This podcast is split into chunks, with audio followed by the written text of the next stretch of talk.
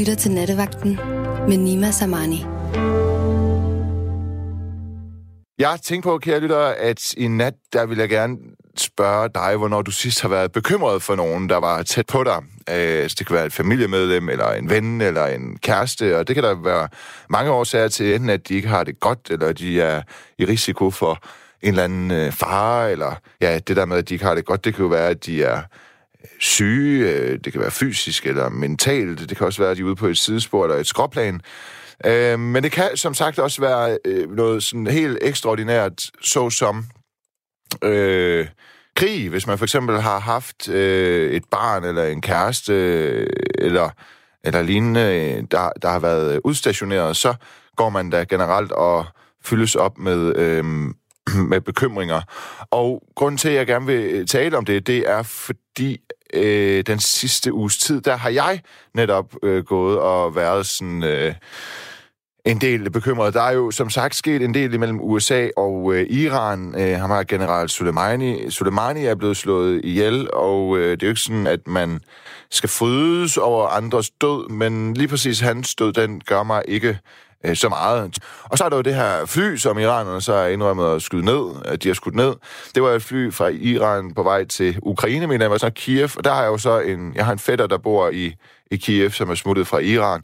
Øh, så der var der da også høj grad til øh, grund til bekymring. Så, men for sådan lidt at brede det ud, fordi jeg godt er klar over, at det er langt de fleste, der har familiemedlemmer i Iran, der øh, kunne være berørt af den her øh, eller risiko for den her situation, der udspiller sig lige nu mellem USA og Iran, fordi jeg godt ved, at det er de færreste, der øh, har den bekymring, eller har familie i Iran, så breder vi det ud til at sige, men det taler vi i nat generelt om, hvornår, man sidst, hvornår har du, kære lytter, sidst bekymret dig for øh, nogen, der var øh, tæt på dig, og hvad var grunden til den øh, bekymring? Det kan også være, at du oplevede den anden vej, at der var nogen, der kom og lavede sådan en intervention med dig, fordi de var bekymrede for dig. Som sagt, det jeg prøver at sige, vi skal tale om, det er nok, øh, hvornår man sidst har bekymret sig for nogen, øh, man holder af. Og øh, der er en lytter, der har skrevet, tal om dødsangst. Jeg panikker og kaster op, hvis et øh, familiemedlem eller en anden, jeg har kær, ikke tager telefonen eller ikke har været online på Facebook i en øh, time. Og øh, det lyder voldsomt, så jeg tænkte, at øh, vi vil vi gerne tage noget, der har skrevet den sms. Hallo? Hej. Hej. Mathilde? Ja, det er det. Hej. Øh, overdriver du? Overhovedet ikke. Okay. Jeg oplever den dødsangst flere gange hver eneste dag. Altså, men, men dødsangst, altså, prøv, prøv lige uddybe det. Øh, jamen, dødsangst, det kan jo være mange ting. Den dødsangst, jeg har, den retter sig aldrig mod mig selv. Jeg er egentlig ikke selv bange for at dø, men jeg er bange for mine familiemedlemmer nærmest, at de ligger og døde, så jeg ringer til mine forældre 20 gange om dagen. Og øh, det er da belastende for dem. Er det? Øh, Eller hvad? Eller har de respekt for hvor det? de har vendt sig til det. Ja. Hvad kommer det af? Ved du det? Øh, min far han har været meget syg igennem min barndom, og jeg var ikke særlig gammel første gang, jeg så, han faldt om og lå halvbevidstløs på gulvet med frode ud af munden og sådan noget, så øh, jeg husker nærmest kun, at han har været på et hospital i store dele af min barndom, så jeg tror meget, det er det, det hænger sammen med. Okay. Hvad var han syg med? Han havde fået sådan en øh, gastric bypass-operation, og da han havde fået den, så begyndte han lige pludselig at falde om, og selv den dag i dag, mange år efter, der ved lægerne ikke, hvad det skyldes. Okay. Det er et eller andet med hans blodsukker. Så han lever stadig? Ja, det gør han. Okay. Øhm, men, men... Altså, jeg har på et tidspunkt været øh, bekymret, hvor jeg så, at min mor ikke havde været online på, på Facebook eller Messenger, eller hvad det hedder, i sådan noget... Det ved jeg ikke. Op imod 30-35 timer, tror jeg. Så begyndte jeg sådan at tænke, okay, det var sgu da underligt. Men Ej, der havde jeg ringet til øh, mine forældre for længst, hvis det var. ja, der har du så Der var ringet, ikke gået mere end en time i hvert fald. der har du så, der har du så ringet 30 gange, jo. Jamen, det gør jeg virkelig. Det er Ja. sådan konstant. Jeg kan ikke foretage mig andet, før jeg så har fået fat i den person, jeg prøver at ringe til. Okay. Så når du står op sådan en helt almindelig dag, så skal du en gang i timen eller hver anden tjekke, om din familie eller andre, du har kært, de er, de er i live? Ja, det er tæt på. Øh, det er jo svært, når jeg er i skole, så kan jeg jo ikke bruge alle mine pauser på at ringe til dem, men så skriver jeg lige, hvor er du hen nu, og hvad laver du? Skal du ud og køre i dag? Og sådan noget, bare lige for at side, hvad er chancerne for, de dør? At min mor hun skal ringe til mig, hver gang hun cykler hjem fra arbejde øh, hver aften. Okay. Hvad så med det der med, at du kaster op? Det er bare den der panik, der rammer. Øh, det sker, det er ikke så tit, det sker. Det sker, når jeg ikke kan få fat i dem, når jeg ringede første gang. Så får jeg kvalme og bliver svimmel og virkelig mærker sådan en panikanfald. Så, så du har Prøv lige, nævne, prøv lige, kom, prøv lige sætte mig ind i en konkret situation, hvor du har kastet op, altså hvor du skulle ringe til nogen, og så...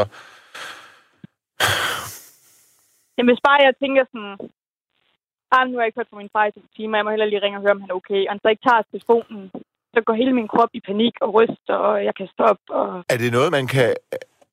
Har du altid haft det sådan... Altså, siden... Ja, det er meget forskelligt, øh, hvor voldsomt det er. Det, her de sidste to måneder, der har det været meget mere voldsomt, end det har været de sidste par år. Det er ikke lang tid siden, der kunne ikke få fat i en, jeg kender i København. Øh, det var midt om natten, øh, jeg vedkommende var lige kommet hjem fra byen, så jeg tænkte, vedkommende nok bare var faldet i søvn. Men jeg kan, kan jo ikke tænke resten af når den der angst kommer, så jeg kørte til Holstebro og var på vej med den første bus til København klokken 5 om morgenen øh, for at køre over og tjekke. Hvem altså, det var, virkelig det, helt var det er det en, du var vild med, eller hvad? Nej, det er bare en, øh, jeg kender. Men kunne det så på et eller andet helt andet tidspunkt og tilfældigt være en i Aarhus, og så ville du være på vej til Aarhus? Nej, det skal selvfølgelig være en, der står mig meget nær. Ja, ja, men... Men altså, hvis det var en i Aarhus, som betød meget for mig, øh, som jeg ikke kunne få fat i, så havde jeg startet bilen op og kørt til Aarhus. Har du nogensinde ikke gjort det? Har du nogensinde taget den så langt, at du så har startet bilen op og kørt fra en by til en anden, fordi du lige pludselig blev ramt af sådan en dødsangst på vegne af andre? Jamen, det gjorde, eller, det gjorde jeg så dengang øh, med København. Der kørte du til København? Der, der nåede jeg på fat i vedkommende lige inden jeg var ved at gå ind i bussen. Okay. Og det var klokken 5 om morgenen. Og der havde jeg haft sådan den der aktie i fire timer inden. Det er på en eller anden måde sådan meget, øh, altså det er meget overdrevet, og jeg tror, hvis man er modtager af det, så kan, så kan det måske også være sådan belastende, men det er på en eller anden måde også, altså det er jo sådan en, øh, hvad skal man kalde det, et misforstået hensyn. Det er jo, intentionen er jo god i det. Altså, jeg har aldrig oplevet, at folk de har reageret negativt på det, men de kender jo også min historie med min fars ja. sygdomsforløb. Ja. Så jeg tror godt, de forstår tankerne bag. Er det noget, man kan få behandling for? Det jeg. Jeg har faktisk snakket meget med min far her de sidste par uger om, at jeg skulle prøve at opsøge en eller anden form for hjælp. Øh, jeg har bare meget svært at tale om sådan nogle ting, så jeg ved ikke, hvor nemt jeg vil have det med at skulle tale med min læge om det, for eksempel. Mm. Men du kan sagtens tale med mig om det. Jamen, det er også fordi, nu har jeg været igennem nattevagten mange gange, det er bare blevet sådan mere et trygt univers på min læge. Altså, jeg jo, går jo aldrig til læge nærmest, så ham kender jeg jo ikke så godt. Nej, ved du hvad, jeg er faktisk, jeg vil, jeg vil faktisk måske have forventet det, når det nu er læge, men jeg er faktisk glad for, at øh, du synes, at nattevagten er et mere trygt forum end hos din læge. Ja, det er jo klart, at jeg, når jeg lytter med nærmest hver nat, øh, min læge ser måske en gang om året. Ja, ja, jamen helt klart. Okay. Og det er også meget det der, hvis han nu skriver et eller andet i min sundhedsjournal, og hvem kan se det i fremtiden, kommer det til at kan påvirke nogle arbejdsgiver, der får fat i det på en eller anden forkert måde, eller et eller andet. Åh, oh, ja. Jamen, altså, det er jo også mange bekymringer, du skal rundt. Du lyder som om, du generelt bekymrer dig meget. Ikke kun om... Jeg er bekymret konstant omkring alt næsten. Ja. Det, er det ikke hæmmende for dig? Jo, helt ekstremt. Ja. Altså, jeg tror altså sagtens, man kunne gå ind og... Øh, øh, ja, ja, er der nødvendigvis en kobling mellem at tale med en psykolog eller en terapeut, eller hvad det er, han er nok en psykolog, øh, sender de ting til ens øh, læge? Det tror jeg da ikke, de gør. Nej, altså, øh, jeg fik psykologhjælp i gymnasiet, øh, fordi der havde jeg også noget angst og sådan noget, det begyndte ja. at fylde mig op der. Og hun så mig en gang, og så sagde hun, at du virker velfungerende kvik. Øh, jeg tror ikke, du har brug for, for at gå her. Okay. Det var sådan en time, og så bliver jeg ligesom smidt væk herfra, så jeg føler ikke, sådan, når jeg selv har opsøgt hjælp, at jeg egentlig har fået den rette hjælp. Nej, okay. Er det egentlig dig, jeg har talt med før, fordi jeg har på et tidspunkt haft emnet angst, øh, eller haft emnet fobi, og der var, var det dig, der, der havde angst for at få angst? Hvad, angst for angsten, var det dig? Kan det passe? Nej. Det var ikke dig? Nej, det er faktisk første gang, jeg er igennem nattevagten, hvor jeg taler om sådan meget personlige ting. Jeg plejer altid sådan kunne ringe ind, hvis det er nøgterne ja, ja. emner. Ja, ja. Og det kommer for tæt på. Ja. Men det ved jeg ikke, altså sådan... Så hvis du generelt er en eller anden, der altid bekymrer dig, så kan du jo... Så kan du jo ja, der er en, der hedder Ingrid, der skriver, søde pige, opsøg hjælp, du skal ikke leve med det. Øh, det er en kognitiv psykolog. Jeg har da sådan lidt, altså, det lyder som om, at bekymringerne er så, de gennemsyrer så meget, at du ikke engang kan få hjælp, fordi du er bekymret for den hjælp. Al, ja, altså du er bekymret for konsekvenserne ved at række ud for at få den hjælp. Jamen, det har du ret i. Så meget det er igen, frygt altså sådan, du skal have hjælp, fordi du har mange bekymringer, men dine bekymringer gør, at du ikke engang kan opsøge hjælp. Ja. Ja. Jeg er enig med Ingrid. Det synes jeg, det er... Øh, hvor, meget, hvor gammel er du nu, du er? Jeg er 22. Ja, det kan selvfølgelig også være, at det bliver bedre med alderen, men det er fandme... Øh, det er en tung last at rende rundt med som, som 22 og Jeg var også meget bekymret, da jeg var 22, men, men slet ikke på den der måde. Altså, sådan, så føler jeg nærmest, at det var sådan nogle småting, hvad man fik i karakter på studiet, når nu de andre fik højere, eller hvad der skulle ske med en øh, på grund af det og sådan nogle ting. Det var mere, mere sådan noget her. Det her, det lyder jo sådan, det er jo slet ikke til at holde ud og være i. Nej, det er det jo heller ikke for folk omkring mig. Altså, hvis jeg møder nye mennesker, som jeg kommer tæt på, de føler jo nærmest det sådan stalkeragtigt og kontrollerende, at jeg har brug for at vide, hvornår de kører en tur, hvis de skal ud og køre på motorvej. Det er særligt sådan noget, jeg er bange for motorvej og sådan noget. Øh, altså, det er jo virkelig med til at skræmme folk væk på ja. en måde. Ja. Ja, det ved jeg sgu ikke. Arbejder du, du er studerende? Er det sådan der? Ja, jeg er lærerstuderende. Du er lærerstuderende, ja. Øhm, hvad med det? Hvad med på studiet så? Er, er, har du et problem med, spiller dine bekymringer en betydning der? Nej, det er faktisk sjovt. Det er faktisk det eneste sted, hvor jeg sådan er fri på okay. mine bekymringer. Og i gymnasiet og i folkeskolen og sådan noget, der havde jeg jo altid sådan fået særbehandling på grund af min dødsang. Jeg var den eneste, der måtte have mobilen med og tændt i folkeskolen, Ja. fordi min forældre skulle kunne få fat på mig, hvis der skete noget. Ja. Men på seminariet, der oplever jeg det faktisk ikke. Okay. Det er jo interessant. Øhm, Men jeg tænker også, det er fordi, at nu går jeg på seminariet i sådan en lille bitte flække øh, 40 km væk fra, hvor jeg bor.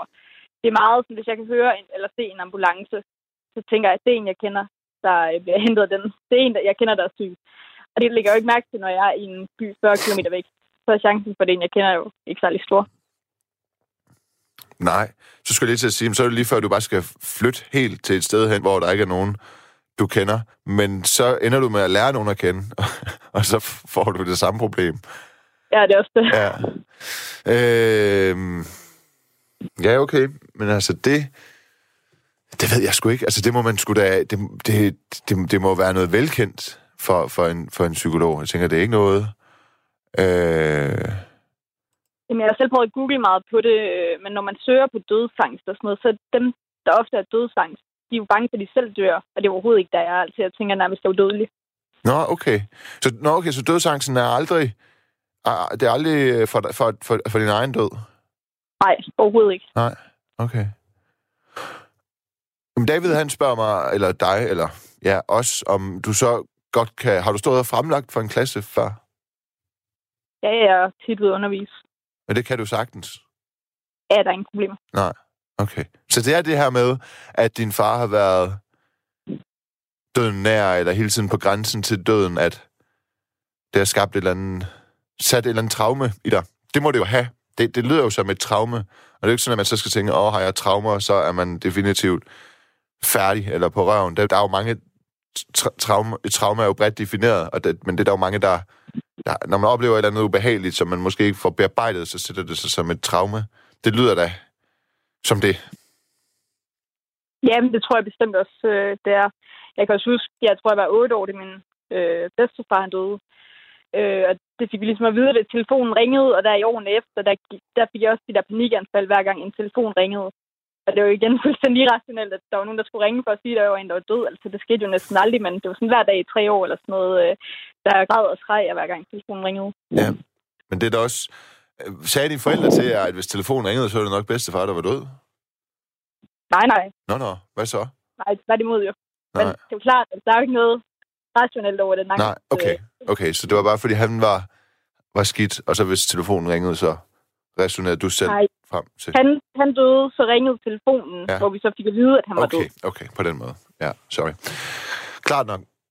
Jeg, jeg, øh, øh, jeg får nogle gange, så bliver jeg sådan ramt af, hvis jeg ikke kan sove eller sådan, så bliver jeg pludselig ramt af, nej, nu er der sket en eller anden noget. Øh, og nogle gange så, øh, kender du der med, at der er nogle mennesker, der for eksempel har oplevet at miste, og så har de en eller anden vild oplevelse, eller en anden intuition, der gør, at de føler, at lige om lidt, der sker der noget skidt, eller der er sket noget skidt, og så får man at vide. Jeg kan huske, øhm, jeg gik i folkeskole, hvor der var en, en, en, en fra min parallelklasse, der, omkring da jeg var 12-13 år, han blev dræbt i en højresvingsulykke af en lastbil, ikke?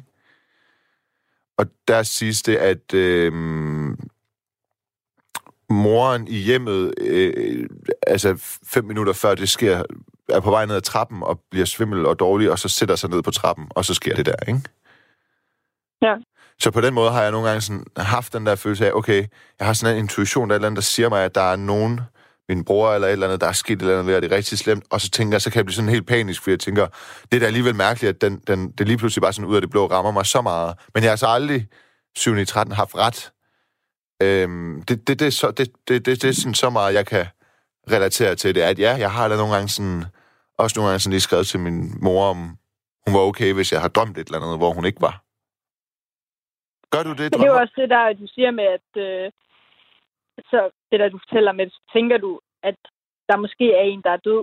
Hvor det så for mig, det bliver meget sådan noget OCD-agtigt noget, hvor jeg så tænker, okay, det har jeg tænkt så mange gange før. Og så når jeg ringer til vedkommende, så er vedkommende aldrig død. Men hvis jeg nu lader være med at ringe, så kan det være, at vedkommende rent faktisk dør, så går der altså endnu mere panik i mig. Så det er virkelig... Jeg, jeg er normalt meget rationelt tænkende menneske, så jeg kan slet ikke forstå, at jeg bliver ramt af sådan noget her. Øhm, Altså, jeg synes jo, mit liv det fungerer fint øh, i dagligdagen. Jeg er jo Ja. ikke typen, der har de store udfordringer og sådan noget, så jeg kan slet ikke forstå, at det her det har sådan... men det er det jo fungerer øh, så meget. finu, eller men det er jo øh, sjovt med... Sjovt ved jeg heller ikke. Det er interessant med, øh, med stress, nej, ikke med stress, med angst, at, at man, selvom man godt kan fortælle sig selv, hvor, hvor irrationelt det er, øh, og mens det står på, så kan man også på en eller anden måde, ved man jo godt, at det er irrationelt. Er der ikke måske nogen grund til, at det kommer, og man skal bare sætte sig ud over det og sådan noget, ikke? Så, så, så kan man ikke. Så kan man jo ikke. Jeg tror, det er hele det, der er ess- essensen i, i, i- problemet med, med angst, det der er svært ved det. Men altså, Altså, jeg prøver tit sådan at sige til mig selv, okay, nu skal jeg måske, nu prøver jeg at lade være med at ringe til min mor i en time, og så prøver jeg ligesom at udsætte Ja, det. ja. Så kan jeg se den time, hvor jeg prøver det. Jeg kan overhovedet ikke udrette noget som helst, fordi det eneste, der kører op, rundt op i mit hoved, det er, om der nu sker til noget. Så jeg er sådan fuldstændig handlingslammet i den time. men hvad nu, hvis du sådan presser dig selv i to-tre timer, og så, du skrev godt nok, så panikker du og kaster op og sådan noget. Men så må du jo panik og kaste op, og du så efter de tre timer får bevist, at hun var helt okay. Der var ikke noget. Tror du, tror du det kunne hjælpe dig på den måde? Nej, fordi det er jo lidt det, der er problemet Ja, med døden. Jeg ved det Jeg ved godt. jo, at alle skal dø på et eller andet tidspunkt, så... Øh, altså, der kan man sige, der er lidt nemmere dem der, der angst for æderkopper og sådan noget. Øh, det er lidt nemmere at sige hen, vi skal jo alle sammen dø en dag jo. ja, det er sgu lidt nemmere, når det er en æderkop, end det er frygten for, at ens mor er død. Det er, det er jeg meget enig med dig i. Ja. Det, er- altså, det er jeg sgu ked af at høre, fordi jeg kan godt forstå, at det sådan sætter dig lidt et dårligt sted, hvor... Hvad fanden skal man egentlig gøre? Altså, det handler jo nok bare om, at jeg skal gribe ud efter de mange muligheder, der egentlig er for psykologhjælp og hypnose og coaching og hvad der ellers findes. Ja, ja. Vil du sådan øh, have ressourcerne til det økonomisk, eller med hjælp fra din familie, eller, eller sådan noget? Der er gratis psykologhjælp øh, i den kommune, jeg bor i. Nå, okay. Og min far har også tilbudt at gå med mig til både læge og psykolog og sådan noget. Ja. Lyder det sådan helt kølling bare nok til. Nej, det synes jeg sgu ikke. Altså, når det handler om sådan noget, det er sgu ikke særlig curling. Far, altså, curling bare nok, det er ens far gerne vil gå med en til et sted hen for at få løst øh, ja, et problem, kan vi vel godt kalde det. Ej, det lyder bare lidt som de der forældre, der tager med til jobsamtaler. Ej, ja, men det er jo så bare ikke en jobsamtale. Ja, det vil være helt fucked, hvis ens forældre tog med til en jobsamtale. Det er jeg enig med dig i. men ja, jeg har også sagt til min mor, at de skal lade være med at gå ind og øh, bakke mig op i en uh, diskussion på Facebook. Ej, det er da sødt, når vi kan det. Hvad siger du? Det er da sødt. Ja, men det er sgu da sådan mega curlingbarn-agtigt, at ens mor lige er inde og give en ret i en anden ja, voksen menneske. Jeg, Ej, synes, det var mega sjovt, jo. jeg var på et tidspunkt i maj måned, var jeg på hospitalet. Der havde jeg med lov der for min far, han, øh, han tog med og kørte mig. Altså, der kunne jeg også bare tage en taxa, men der var sgu ikke noget. Så ringede til ham og sagde, prøv at, men jeg ligger og har det fucking mærkeligt i maven. Øh, så kørte han mig. Han kørte sat mig stærkt. Sådan som om jeg var ved at dø. Han kørte faktisk så stærkt, jeg troede, jeg skulle dø. Det synes jeg er en god ting, din far gør det, og det synes jeg ikke er særlig curlingbarnagtigt. Et eller andet sted, så lyder det fandme som noget, du skal have gjort noget ved. Eller prøve at gøre noget ved. Og, og der må jeg jo så bare sige, at øh, hvis det er, at din far han lige tager med til det, så synes jeg sgu, du skal lade ham gøre det. Det gør dig mere tryg. Men det var svært, fordi jeg har jo aldrig kendt til andet end den der dødsangst. Jeg ved ikke, hvordan det føles at gå rundt uden dødsangst nærmest. Jeg kan jo ikke huske tiden inden. Så det er måske også lidt den der, igen, frygt for, øh, hvad hvilket jeg bliver jeg, når jeg slipper af med den her dødsang, fordi det alligevel er en så stor del af mig. Det forstår jeg godt. Det, det er blevet til din fortælling. Nej, fordi det er, det er aldrig rigtig noget, jeg snakker med folk om. Faktisk. Nej, men nej, nej, nej, nej. Ja, ja, men ens, for, ens egen fortælling er jo også til noget, der udspiller sig op i hovedet. Altså, det er jo det, er jo det du selv siger nu. Det er sådan lidt din identitet, eller hvad, hvad, hvad nu, hvis du fik det løst, og du så lige pludselig ikke skulle bekymre dig længere, eller sådan, så kan det, men, ah, men, men det må alligevel være rart, at, at, du skal nok tro mig, du skal nok finde nogle, øh, øh, du skal nok finde nogle andre ting at bekymre dig om. Det skal du altså ikke, øh, der skal nok komme mange andre ting. Det kunne være rart, hvis du kunne slippe først og fremmest for bekymring om, at folk, der står tæt på dig, de er døde. Ja. Ja. Men det er fandme bare svært at gribe ud efter den. Det, er, jamen, det jeg mener, det er bare, at det ikke rart nok at få udskiftet sine bekymringer for, at ens mor eller far eller ven, eller hvad det nu er i København, er død, og så få det skiftet ud med bekymringer for, om øh, et eller andet ind i ovnen har fået nok på begge sider, eller hvad du kommer til at få en anden karakter, eller hvad det nu er. Jo. Altså, jeg vil lige før, altså, jeg, jeg vil nærmest hellere have en konstant bekymring eller angst for, at en eller anden kæreste eller en eller anden, man er vild med, øhm, knaller udenom, eller hvad ved jeg, end at nogen, man har tæt på dør. Altså, det er da den mest ubehagelige af dem alle. Men ved du hvad, jeg har det også sådan...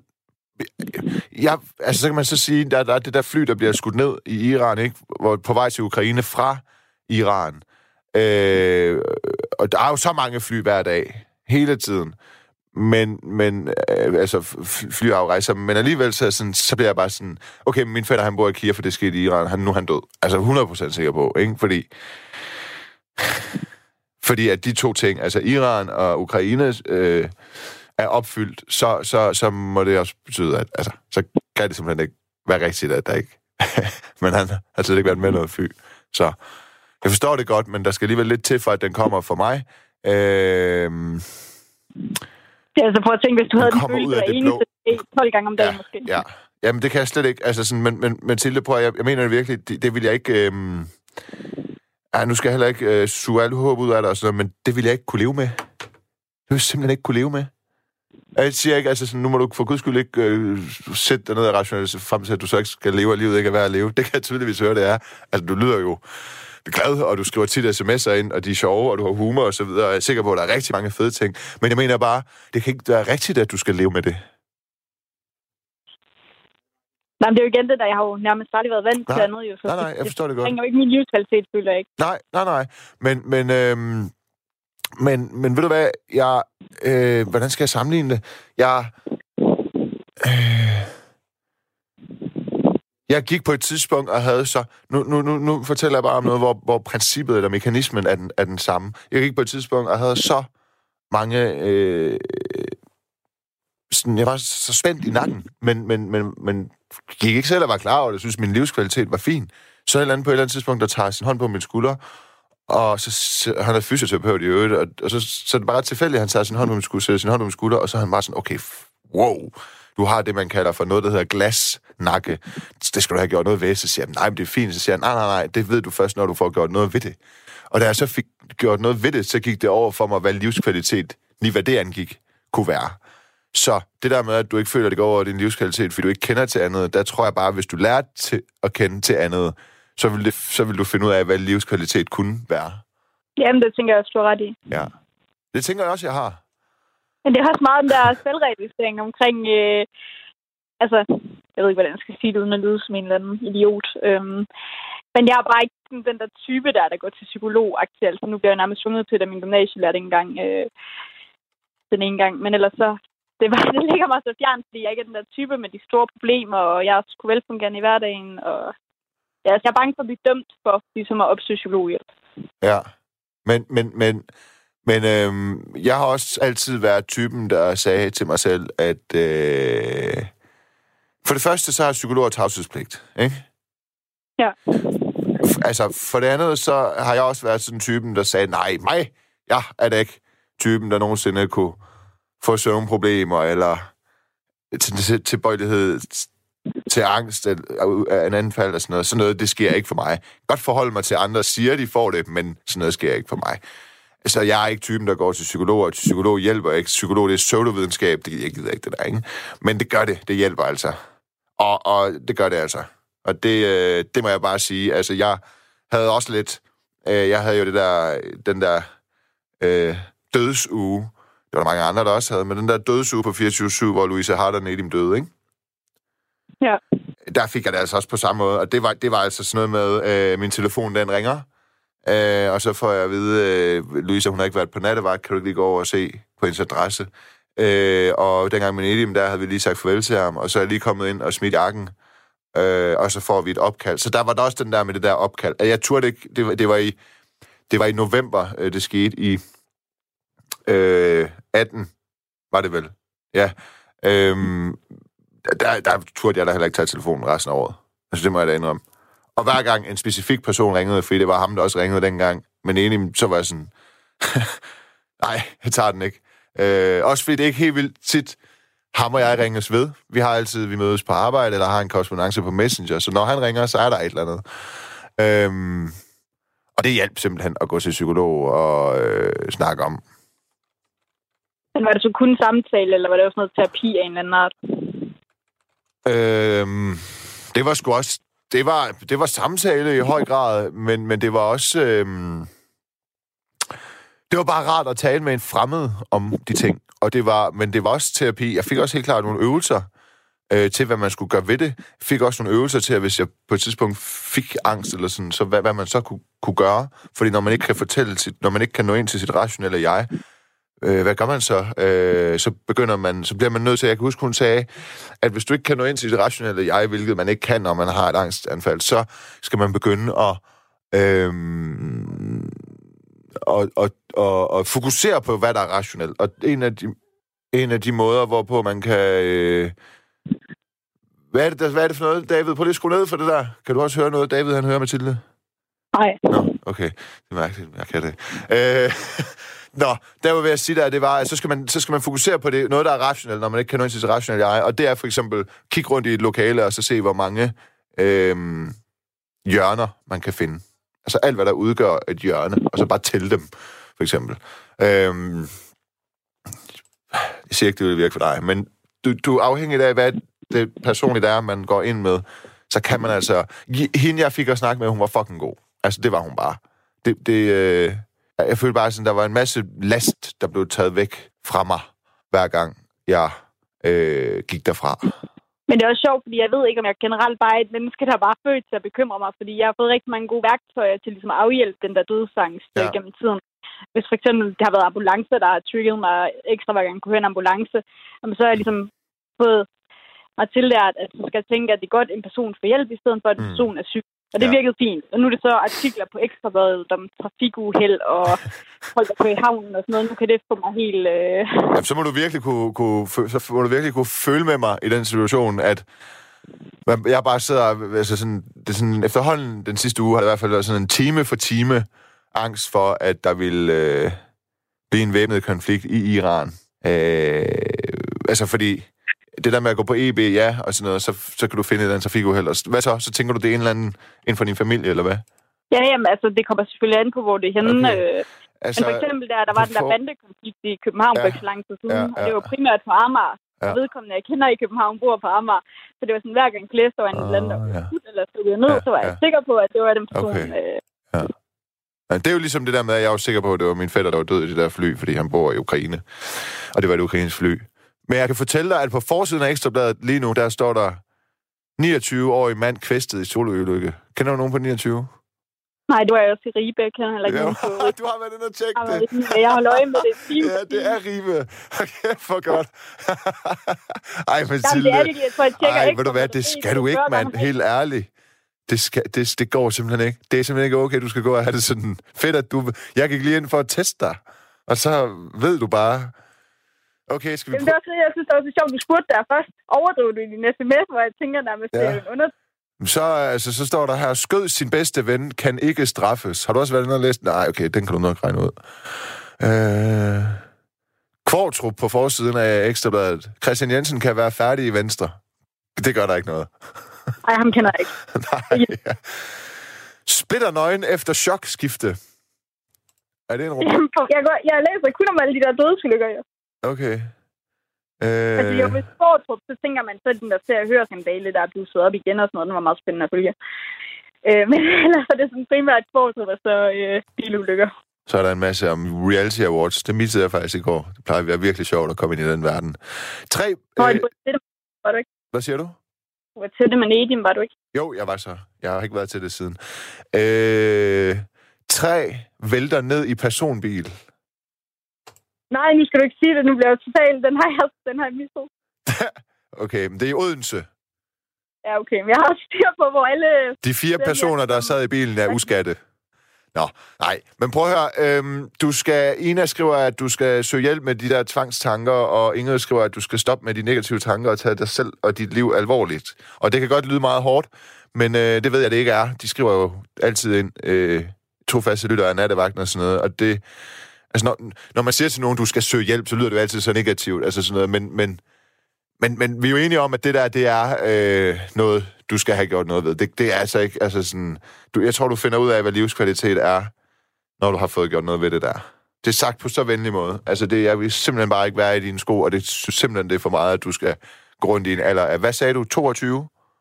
Ja, det er. Ja. Og, og, og, og have dødsangst, eller angst for, at alle omkring dig, de bare dør. Jeg tror også meget, det har noget at gøre med, at jeg ligesom er efternøderen i familien. Øh, alle folk omkring mig, de er meget ældre end mig og sådan noget. Og også, Men alle, Mathilde, alle de der spekulationer om, hvad det har noget at gøre med og sådan noget, det fylder jo også meget. Altså, hvis du snakker med en, kan du rent faktisk få sådan pejlet dig hen imod, hvad det har noget at gøre med, i stedet for, at du også skal gå hele tiden og tænke, ja, hvad det har noget, måske har noget at gøre med og sådan noget, så skal dit, så skal din Ikke... Ikke... det tænker jeg jo ikke normalt. Okay. Det er kun fordi, du spørger. okay, klart nok, fair nok. Altså, jeg kan jo ikke gøre noget ved forhold. jeg skal heller ikke gøre situationen værre, end den er lige nu. Det skal jeg ikke. Det, det lyder da træls nok. Jeg vil sige tusind tak, fordi du ringede, og så vil jeg sige, at, øh, at øh, lige i sådan en situation, der, øh, der vil jeg nok tænke, øh, at det er usejt ikke at tale med nogen om det og gøre noget ved det. Men det er fedt at gøre noget ved det der, fordi det er... Øh, der er folk, der går til psykolog og sådan noget, fordi de ikke ved, hvad det rigtige studie, hvad det er. Altså, altså rend mig i røven. Men det der, det er fandme reelt. Ikke? Jeg tænker også, hvis jeg kan snakke med dig om det, så kan Ja. jeg også snakke med Ja, og jeg ville ønske, at jeg havde bedre redskaber til dig. Men det har jeg ikke. Det kan være, at jeg skal til at tage sådan en selvudlært psykologuddannelse. Det kan man sgu sikkert godt. Men, øh, men, men det, ja. Og du kan godt finde en psykolog, der også er fed at snakke med, ligesom mig, som så i øvrigt også har haft styr på det, sådan, du ved, enholdsmæssigt. Ja. ja. Men tak, fordi du vil være med, og tak, fordi du skrev ind. Ja, velbekomme. Okay, god weekend til dig. I lige måde. Tak. Hej. Øh, nu har jeg Samra igennem. Ja, hej. Øh, velkommen igennem. Tak for det. Hvad fik dig til at ringe? Jamen, øh, altså, jeg har jo senest bekymret mig i dag. Nu ved jeg godt, du siger familiemedlem og så videre, men jeg bekymrer mig faktisk rigtig meget for mig selv lige for tiden. Fordi, øh, man kan sige, det har været en meget kæmpe omvendende liv at få en psykisk diagnose, kan man sige, og den stigma, der følger med. Øhm, og, og grunden til, at jeg faktisk ringede ind, det var lidt for sådan at gøre lidt op med det der med, når man bliver dybt diagnostiseret, og ja, at man ikke er sådan en diagnose, men man har en diagnose, hvis du kan følge mig. Øhm, så, så ja, jeg bekymrer mig rigtig meget om mine egne tanker om mig selv, og hvordan jeg ligesom kommer videre herfra, ikke? Jo. Men har du... Øh, hvad, hvad, hvad er det for en diagnose, du har fået, siger du? Øh, det er borderline, og når jeg siger borderline, så typisk så går der rigtig mange tanker igennem mennesker, når de hører den diagnose, fordi de tror bare, Skal jeg lige sige, inden du siger, hvad du troede, hvad jeg tænkte lige, da du sagde det? ja, Jeg tænkte, øh, jeg tænkte, jeg, jeg tænkte, jeg er ikke helt sikker på, øh, hvad det er for en diagnose, men noget minder, jeg mindes, at det er et eller andet vildt. Ja, det er jo det. Det er jo det, de fleste forbinder med borderline. Man kan sige, lige så vel som alle andre, det her det er faktisk en personlighedsforstyrrelse. Altså, det er en struktur i din personlighed, kan man sige. Altså, så, så for mig for eksempel, det er bare for at give et eksempel, jeg er ikke særlig udreagerende. Jeg, jeg kan man sige, min vrede eller mine frustrationer går typisk ikke ud over andre mennesker, men det går mere ud over mig selv. Så alt det, jeg oplever, projekterer jeg over på mig selv. Og der kan man så sige, når folk de hører borderline, så er det typisk folk, der er vildt udreagerende, kan ikke øh, finde rundt i deres egne følelser og sådan nogle ting. Øh, men det er også bare for at sige, uanset hvad for en diagnose du har, rammer dig forskelligt, og du har ikke alle kriterier, og dine kriterier kan være meget forskelligt fra person til person. Øh, så ja, altså, så det er jo også frustrerende at vide, at der er nogen i samfundet derude, der mener en masse negative ting, som måske lige er tilfældet. Okay, men altså, fordi når du siger det, så tænker jeg, der var der mm. ikke sådan, der var der meget af det, du lige sagde, jeg godt kan genkende mm. øh, til. Jeg ved ikke, om altså, når jeg læser om det nu, så er det sådan noget med, at der skal være noget med, at man er impulsiv. Det ved jeg ikke, hvor meget jeg er, men mm. sådan det der med ja. svingende følelser, altså det har alle mm. vel i en eller anden grad. Det har jeg da også meget. Jo, jo, jeg tror, jeg tror egentlig sådan, man kan sige, det der måske gør det lidt anderledes, mine er meget mere ja. intense. Altså, fordi ja. mine er ligesom sådan en, i dag jeg har virkelig depressiv og ked af det, og har tænkt på, at skulle jeg være her. Altså nu, nu, nu går jeg lidt ind til roden her, fordi nu fortæller okay. jeg det bare, som det ja, egentlig er. Fedt. Ja. Altså, tænk på, skal jeg være her, eller skal jeg øh, være et helt andet sted? Ja. Altså, det er fordi, jeg vil gerne, det belyder meget hårdt at sige det lyder frem sådan her. Og i morgen for eksempel, der kan jeg øh, være, være rigtig glad og, og, og have nogle motivationsfaktorer, der gør, at jeg vil tingene mere og er motiveret på forskellige områder i mit liv. For eksempel er jeg jo jobsøgende nu, og, og det er en kæmpe frustration for mig, at jeg ikke har fundet et job. Øh, så det er jo nogle forskellige sociale faktorer og økonomiske faktorer, der kan være med til at bidrage, at man kan sige, at følelserne er meget mere sådan øh, intense. Og som du selv sagde, i forhold til de kriterier, man skal have for at have borderline, det er meget, meget forskelligt. For eksempel med mig. Altså, jeg er enormt impulsiv, og, øh, hvad kan, jeg, og jeg har en tendens til at dele tingene op i godt og dårligt. Enten så er alt bare godt, eller så er alt bare dårligt. Så det er bare for at give nogle eksempler, fordi de fleste mennesker i deres dagligdag, de har jo ikke sådan en tendens til at dele tingene op i alt godt eller alt det dårligt. Nej. Det er mere sådan det, det, det, du ved, det, det ændrer sig meget i løbet af dagen i forhold til, hvad der sker. Ikke? Jo. Øh, så der kan man sige, at der er måske en lille forskel. Øh, Men sådan en almindelig ja. dag så for dig, hvor du går og deler alt op i dårligt mm. og, og skidt, eller dårligt og godt. Mm. Øh, hvad kan det være for nogle ting? Altså, for jeg tænker, det må altså, være nogle ting, som jeg ikke engang som en person, der er ikke med border, der ikke har borderline, så kan det måske være mm. ting, som jeg ikke engang sådan registrerer, eller, eller hvad? Som du, som du deler op i godt og dårligt? Jamen, for eksempel, øhm, altså lad os nu sige, at øh, jeg dater en fyr. Jeg kan give dig det her eksempel i dag. Jeg skulle faktisk have været på date i dag. Ja. Men, øh, og, han har, og jeg var så ude, jeg, jeg var så i byen her i fredags med min veninde. Og vi har jo skrevet lidt frem og tilbage. Han spørger, om vi skulle ses i løbet af aftenen, hvor jeg sagde, men hey, vi har altså en aftale i morgen, og lad, lad os holde os til det. Og så vågner jeg jo så senere hen i dag, og så, så vågner jeg også op til den her besked. Øh, jeg har fået det super dårligt. Øh, jeg må desværre aflyse. Og her kommer mine sådan impulsive, rigtig negative og dårlige tanker til udtryk. Jeg begynder så at tænke, okay, øh, han, hvis han skulle ses med mig i dag, hvorfor vælger han at drikke sig pikkestiv? hvis han faktisk havde lyst til at ses med mig i løbet af aftenen, hvor jeg egentlig var i byen. Altså, jeg begynder sådan, okay, det her, det er bare lort. Jeg gider slet ikke forholde mig til dig, så jeg tager du hvad, du må have det godt, farvel og tak. Impulsiv handling øh, når ikke lige at reflektere over det, der bliver skrevet, men handler ud fra mig en, en, en stærk følelse af, okay, nu bliver jeg afvist, og ved du hvad, jeg gider faktisk spille min tid på det her mere. Øh, det har jeg for eksempel gjort meget i forhold til dating. Ikke? Det der med at dele tingene op. Altså, okay, fordi han gør sådan her, så er alt bare godt. Og fordi han gør sådan her, så er alt bare dårligt. Jamen, jeg, jeg ved godt, det er meget... Sige, ej, jeg skulle til at sige, ej, jeg synes, jeg skulle til at sige, jeg synes, jeg synes, de fleste kvinder er sådan, som du siger. Altså, Nå, okay. Det kan være, at de fleste kvinder er sådan lidt borderline-agtige. Ej, men øh, øh, jeg forstår godt, hvad du mener.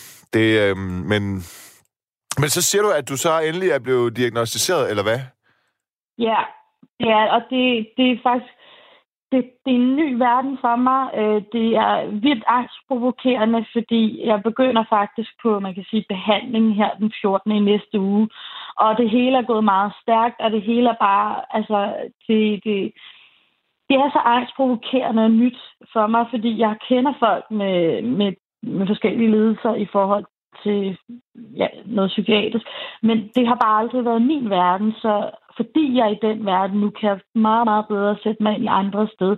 Og nogle af de stigmaer, jeg selv havde, de er fuldstændig blevet skåret over i pap, fordi når du selv er i det system og prøver at lære mere om dig selv og, og din diagnose at kende, så på en eller anden måde, så bliver du meget mere, hvad kan man sige, åben over for, øh, hvordan folk ser verden, som har en, en, hvad kan man sige, en diagnose, fordi det er selvfølgelig angstprovokerende, aldrig har været en del af det her, og så skulle nærme sig det og blive, okay, du har simpelthen en lidelse. Men det er bare den der med, at jeg vil ikke, altså det er også det, jeg vil prøve at sige til folk her i nat. Altså, hvis du har en diagnose, så altså, du har en diagnose, men du er ikke din diagnose. Diagnose er en del af dig, men det er ikke en del af hele din personlighedsstruktur. Nej, men, altså, okay, men jeg, jeg ved ikke, altså fordi der er jo nogle diagnoser, der sådan er måske lidt mere øh, øh, konkrete eller sådan noget, og det er heller ikke for at negligere nej, nej, det, du siger, og jeg, og jeg nej, nej. vil jo, i forhold til det, jeg siger nu, er jeg meget enig, tror jeg, i det her med, at man kan få en diagnose, men man er ikke en diagnose, fordi mm. jeg tror da, hvis jeg gik til psykolog, eller hvem det nu er, der stiller den slags diagnoser, mm. og jeg psykiater. psykiater, og jeg nu fortalt om en række øh, adfærdsmåder, jeg mm. udviste, så tror jeg da både, at jeg kunne opfylde kravene til at være øh, bipolar, og, og, og også øh, mm. det, du siger nu, øh, i, i borderline, men måske i en mindre grad, men... men ja. Ja. Det er, ved du hvad, det du siger nu, ikke, det er faktisk vildt spændende, fordi øh, det er noget, jeg for nyligt faktisk også har læst mig lidt til, fordi der findes jo faktisk folk, der ikke har en fuldbyrdet borderline-diagnose, fordi der er nogle kriterier, du skal, hvad kan man sige, øh, kunne krydse af, eller det skal din psykiater kunne ligesom øh, krydse af på, før du kan få den, fordi det er minimum fem, og så tre ud over det, eller sådan noget den stil. Men det er rigtigt, som du siger, der er nogle mennesker, der har en mild grad for borderline, eller borderline-tendenser, men som ikke altså, har en fuld byrdet diagnose, okay. hvis man kan sige det sådan. Øh, og i forhold til, nu kan jeg bare give til borderline og bipolar, det er to forskellige behandlingsmetoder. Typisk så medicinerer man ikke folk med borderline. Man kan, men, men det, det, man prøver at gøre med borderline, det er mere sådan noget psykoterapi og sådan noget samtaleterapi. Det er ikke så meget medicinering, det er mest det der med at, at arbejde med sig selv og sine tanker. Øhm, det er bare sådan en lille, ja, jeg ved ikke, fact, eller hvis der var nogen, der undrede sig ja. over det. Nej, men det giver, øh, det giver god mening. Men hvad så føler du så? Føler du dig så... Du siger, du føler dig befriet. Eller føler du dig ja. sådan... Øh, føler du dig sygeliggjort, eller føler du dig befriet? Åh, oh, det er sådan en, en, en, en, en del af begge ting, tror jeg. Jeg tror, jeg er rigtig glad for at finde ud af, altså, det, der har gjort af, at jeg har fået en diagnose, jeg er blevet meget mere nysgerrig over, altså nysgerrig på mine følelser, og hvor de stammer fra, og hvad der trigger dem så jeg lidt bedre kan identificere mig og hjælpe mig selv.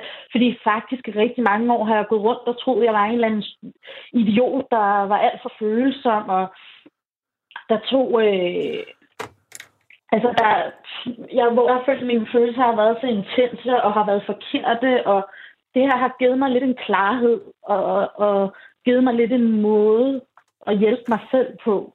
Men jeg er bare lidt bange for, fordi jeg ved, hvordan det er i samfundet. Og når man, der er mange, der laver sjov, eller laver sådan nogle borderline jokes. Sådan, ah, er hun er, øh, er hende, jeg dater lige nu, hun er bare syg borderline.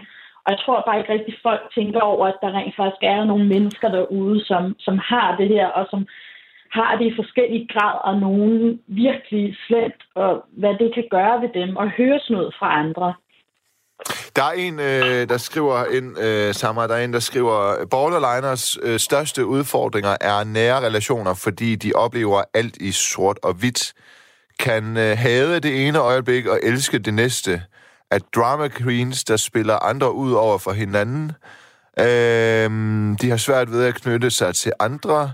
Der er skrevet flere bøger her om, blandt andet borderliners farlige øh, relationer. Når det er sagt, findes der, ikke, findes der endnu ikke evidens for de psykiatriske diagnoser.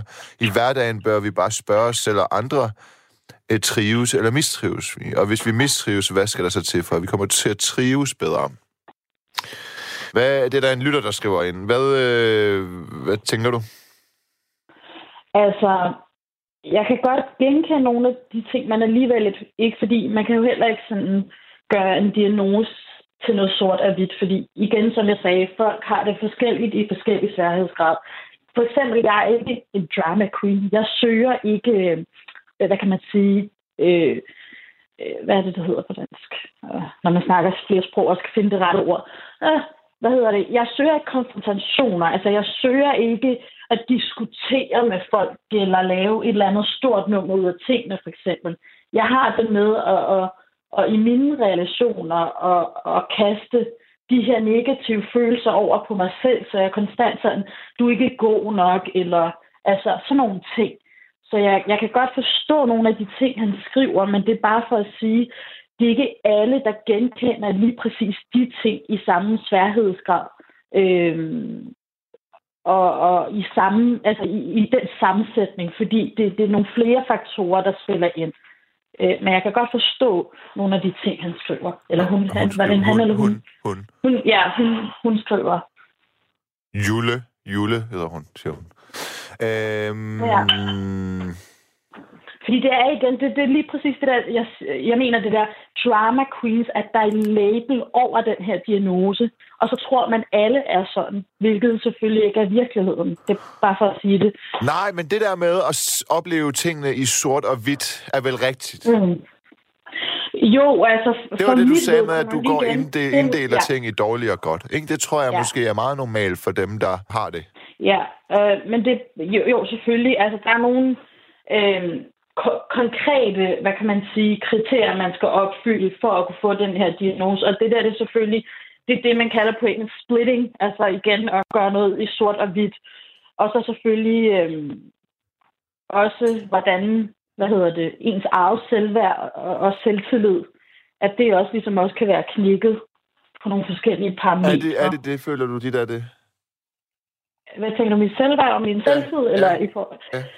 Det vil jeg helt klart sige. For eksempel for et år siden, øhm, der stod det slet ikke sådan her til med, med, mit, med min selvtid og selvværd. Men grunden til, at det er blevet dårligt, at det er jo på baggrund af nogle ting i mit liv, der er sket.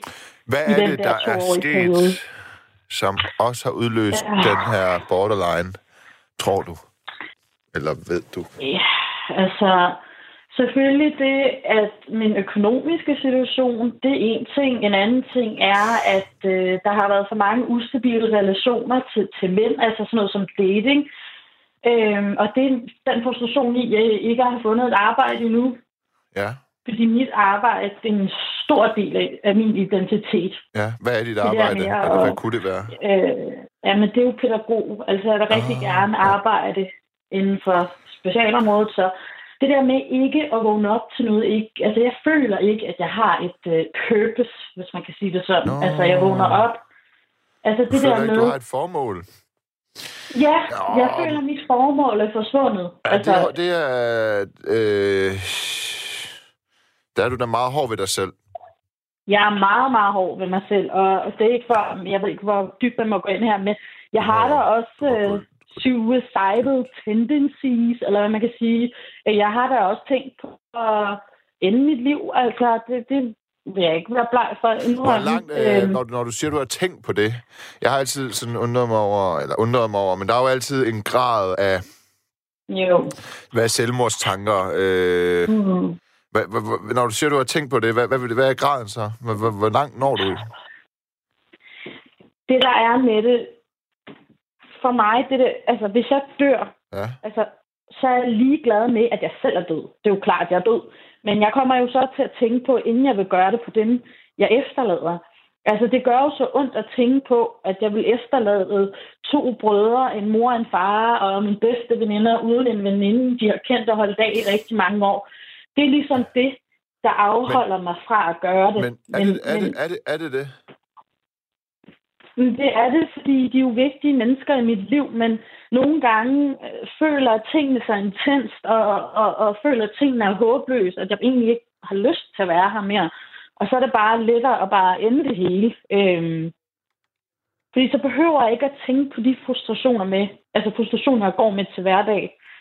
Og jeg har endda prøvet det, hvad kan man sige, to gange, hvor det så ikke lykkedes, men jeg har nogle gange de her mørke tanker.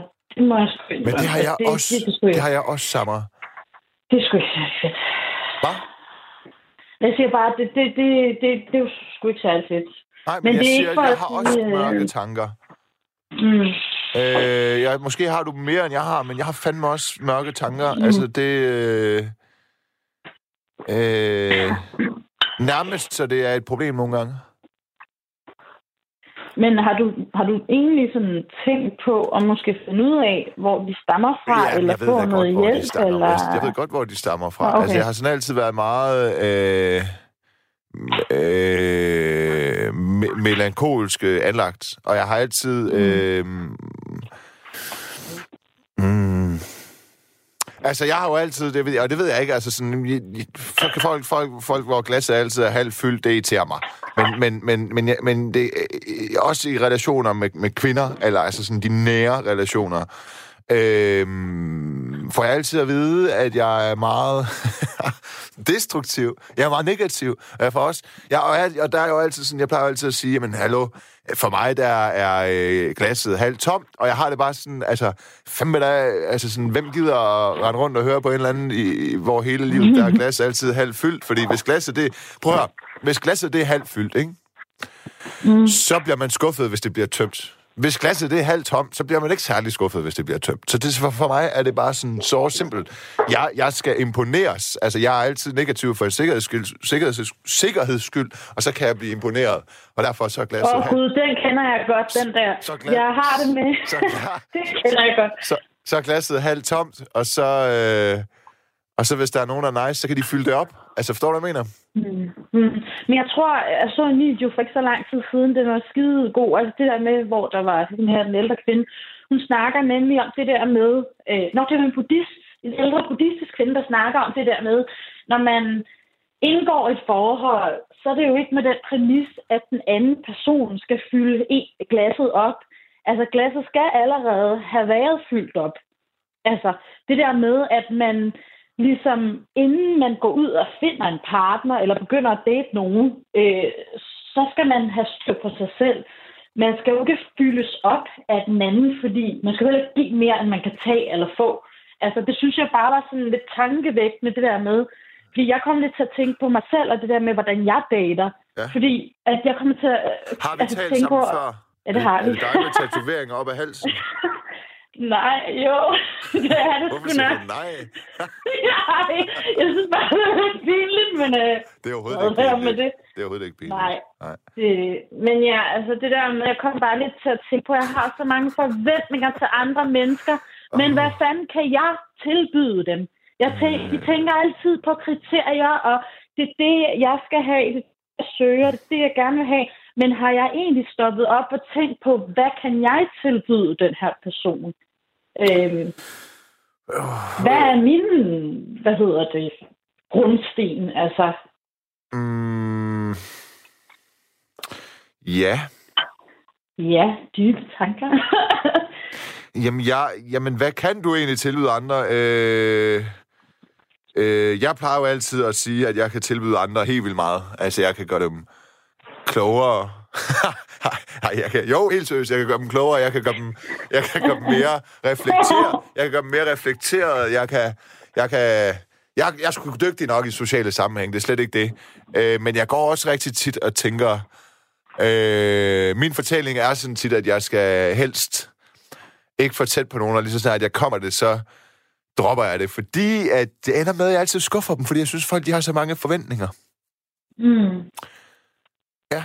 Det er, jo, det er jo det, jeg mener, ikke? det der med forventninger, fordi vi har sådan en tendens til at sådan nærmest favorisere, eller så når vi begynder at date en, så uh, hvor de bare fantastiske, eller de har så mange ting at byde, øh, byde ind. Men, men jeg har også været lidt nogle gange sådan, åh oh, gud, de har måske haft nogle forventninger til mig, som jeg ikke lige kan opfylde.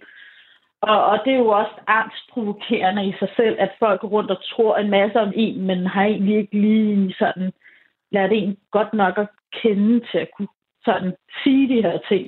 Men, Altså, der er jo mange, der... men, ja, men, men, altså, men tit så for mig, så handler det også om, så er det sådan en sovepude, ikke? Altså, så når jeg siger, at, at Mm. jeg synes, folk de forventer så meget og sådan noget, ikke? Så ja, når, når, de får, når jeg siger det til dem, så er de jo også sådan, øh, altså jeg forventer ikke rigtig sådan mere end alle mulige andre.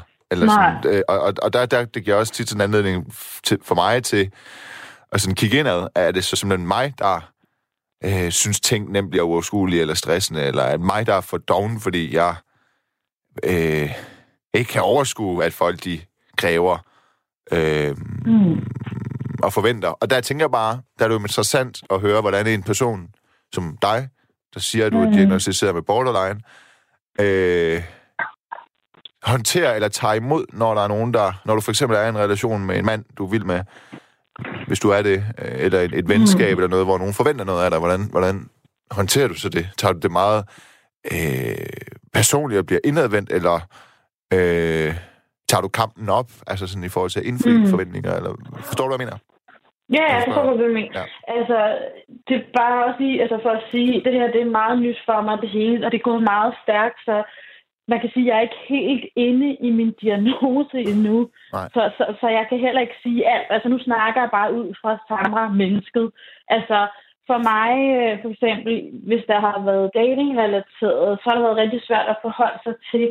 Øhm, altså, jeg kunne have haft rigtig mange forventninger til personen, og har måske ja, hvad kan man sige, skræmt personen væk på den måde, men så ligeledes, så hvis en fyr har haft forventninger til mig, som jeg måske kunne imødekomme, det, det, det skræmmer mig også væk på en eller anden måde, fordi hvorfor kan vi bare ikke møde hinanden, hvor vi er, øh, for at forvente så meget, altså når vi ikke engang kender hinanden så godt endnu.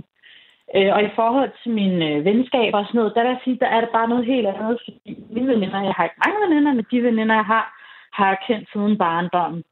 Og der har vi jo bare en anden relation til at kunne fortælle hinanden, for eksempel, øh, jeg ved det ikke, har har der været en diskussion, eller har der været noget, vi har været kede af, jamen, så har vi på en eller anden måde godt kunne forvente at hinanden, at vi kan snakke om tingene.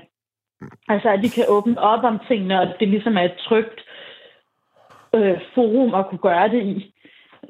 Altså, giver det mening? Altså, det kommer an på relationen og hvad hensigten er, fordi med mænd er det meget mere angstprovokerende end for eksempel at, at skulle tage en snak op med mine veninder og være helt ærlig med, hvad for nogle forventninger vi har til hinanden. Øhm, ja. Det, det er... Det, det, det ved jeg ikke. Ja, jeg, jeg mumler måske også lidt. Nej, jeg ved ikke, om du mumler. øh, tværtimod, det går øh, i mange retninger. Nej, men jeg forstår, hvad du mener. At der er selvfølgelig en, øh, en, en, en, en forskel imellem, hvis det er venner, eller i... i øh, ja, jeg, jeg må sige, i venskaber er jeg, er jeg, har jeg hellere lyst til, eller har jeg en større motivation for at indfri nogle forventninger, end jeg har mm. i et Mm. forhold. Øhm, Ja, ja, det præcis. Det er Ja. sådan lidt, jeg nemlig også har det. Ja. Fordi hvor, det er jo en helt anden forhold, der tager for jeg det relation. meget... Ja, men i forhold bliver jeg meget hurtigt til at tage det som en kritik. Tror jeg. Nå, okay. Tror Men jeg. hvordan kan det være? Hvad, hvad gør, at du tager det som en kritik? Ja, det ved jeg sgu ikke. Altså, øh, et er vel min ugidelighed. Øh, jeg skal ikke frelægge mig ansvaret for det. Øh, for det. Altså det, at, at øh, der er ikke nogen, der skal forvente noget. og Hvis de forventer noget, så er det sådan lidt ens betydende med, at hvis de giver udtryk for den her forventning, så er det jo ens betydende med, at det ikke er. At det ikke lever op til forventningen. Forstår du, hvad jeg mener? Mm. Ja. Øh, en anden ting af det er, at jeg tror, jeg på et tidspunkt har datet nogen, der der havde en, en, en sygelig forventning til forventningerne. Altså, at ting skulle være på en bestemt måde, og sådan og sådan, ellers så var alting mm. galt, og det var fucking stress, ikke? Altså, og det var måske faktisk også mm. fordi, at jeg havde en relation til nogen, som har oplevet at blive brændt øh, rigtig meget på nallerne, og, og, mm. og, og derfor så bestod det her forventningsspil i en eller anden form for øh, en, en eller anden form for tillidsøvelse. Altså, hvis jeg som, som kommer med en række forventninger, og du så indfrier dem, så betyder det, at jeg kan have tillid til dig. Og det var stress at opleve det fra en modpart. David, han skriver ind til mm. mig, han skriver, David, han skriver ind til mig nu her, David, der producerer programmet, han skriver, kæft, du graver dybt i dig selv i aften, hva'? ja, jamen, det er godt nok. ja. Jamen, jeg vil også stoppe med det nu, for der er ikke lang tid tilbage. Jeg vil faktisk sige tak, fordi du var med. Ja, det ja. var så let. Og tak, fordi uh, I ville have mig med. Ja, selvfølgelig. Det, det er godt. Ja. Tak, fordi du var med.